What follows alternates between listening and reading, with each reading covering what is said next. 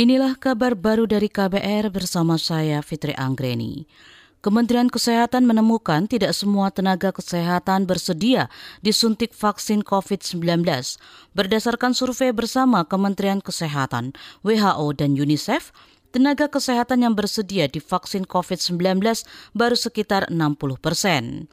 Direktur Promosi Kesehatan dan Pemberdayaan Masyarakat Kemenkes Imran Agus Nurali mengatakan faktor kehalalan paling banyak dipersoalkan oleh tenaga kesehatan yang ragu maupun menolak vaksin. Imran berharap Majelis Ulama Indonesia MUI bisa segera mengeluarkan fatwa halal demi kemaslahatan bersama. Jadi di rata-rata kurang lebih antara uh, 65 persenan atau 60 persen. Jadi masih ada sisa yang ragu dan yang menolak. Ini tenaga kesehatan. Dan ini cukup berbahaya jika yang menolak ini kemudian akan menarik yang ragu-ragu, bahkan juga bisa mempengaruhi yang sudah menerima. Ya, khususnya di saat ini terkait dengan kehalalan ya yang sering banyak beredar Direktur Promosi Kesehatan dan Pemberdayaan Masyarakat Kemenkes Imran Agus Nurali mengatakan kesediaan tenaga kesehatan menerima vaksin menjadi sangat penting mengingat vaksinasi akan dimulai pekan depan. Sebanyak 1,3 juta nakes akan disuntik vaksin CoronaVac buatan Sinovac.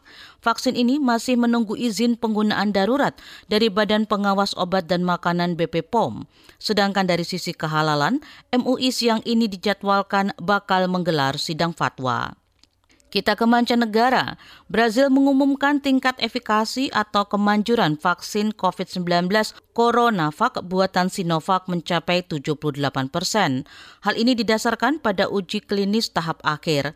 Dikutip dari Reuters, hasil itu lebih rendah ketimbang prosentase efikasi dari uji klinis CoronaVac di Turki sebesar 91 persen. Tingkat kemanjuran vaksin Sinovac ini juga di bawah vaksin buatan Pfizer dan Moderna yang mencapai 95 persen. Namun vaksin Sinovac lebih mudah didistribusikan karena bisa disimpan dalam suhu lemari pendingin normal.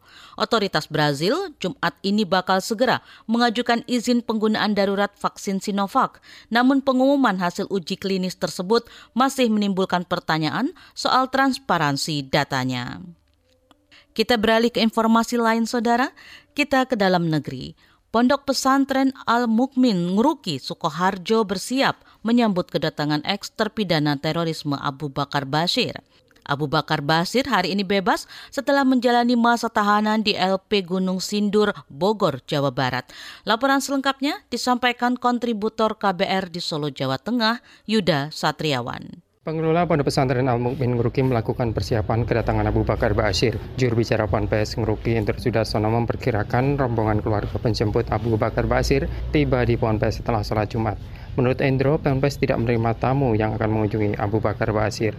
Sejak tadi malam sudah ada penambahan keamanan, termasuk nanti setelah Jumatan. Kita berharap saat Abu tiba di sini sekitar 8 jam perjalanan, sejak jam 5.24 sehingga sekitar jam 1 jam 2 kita berharap saat Abu sudah di uh, pondok pesantren.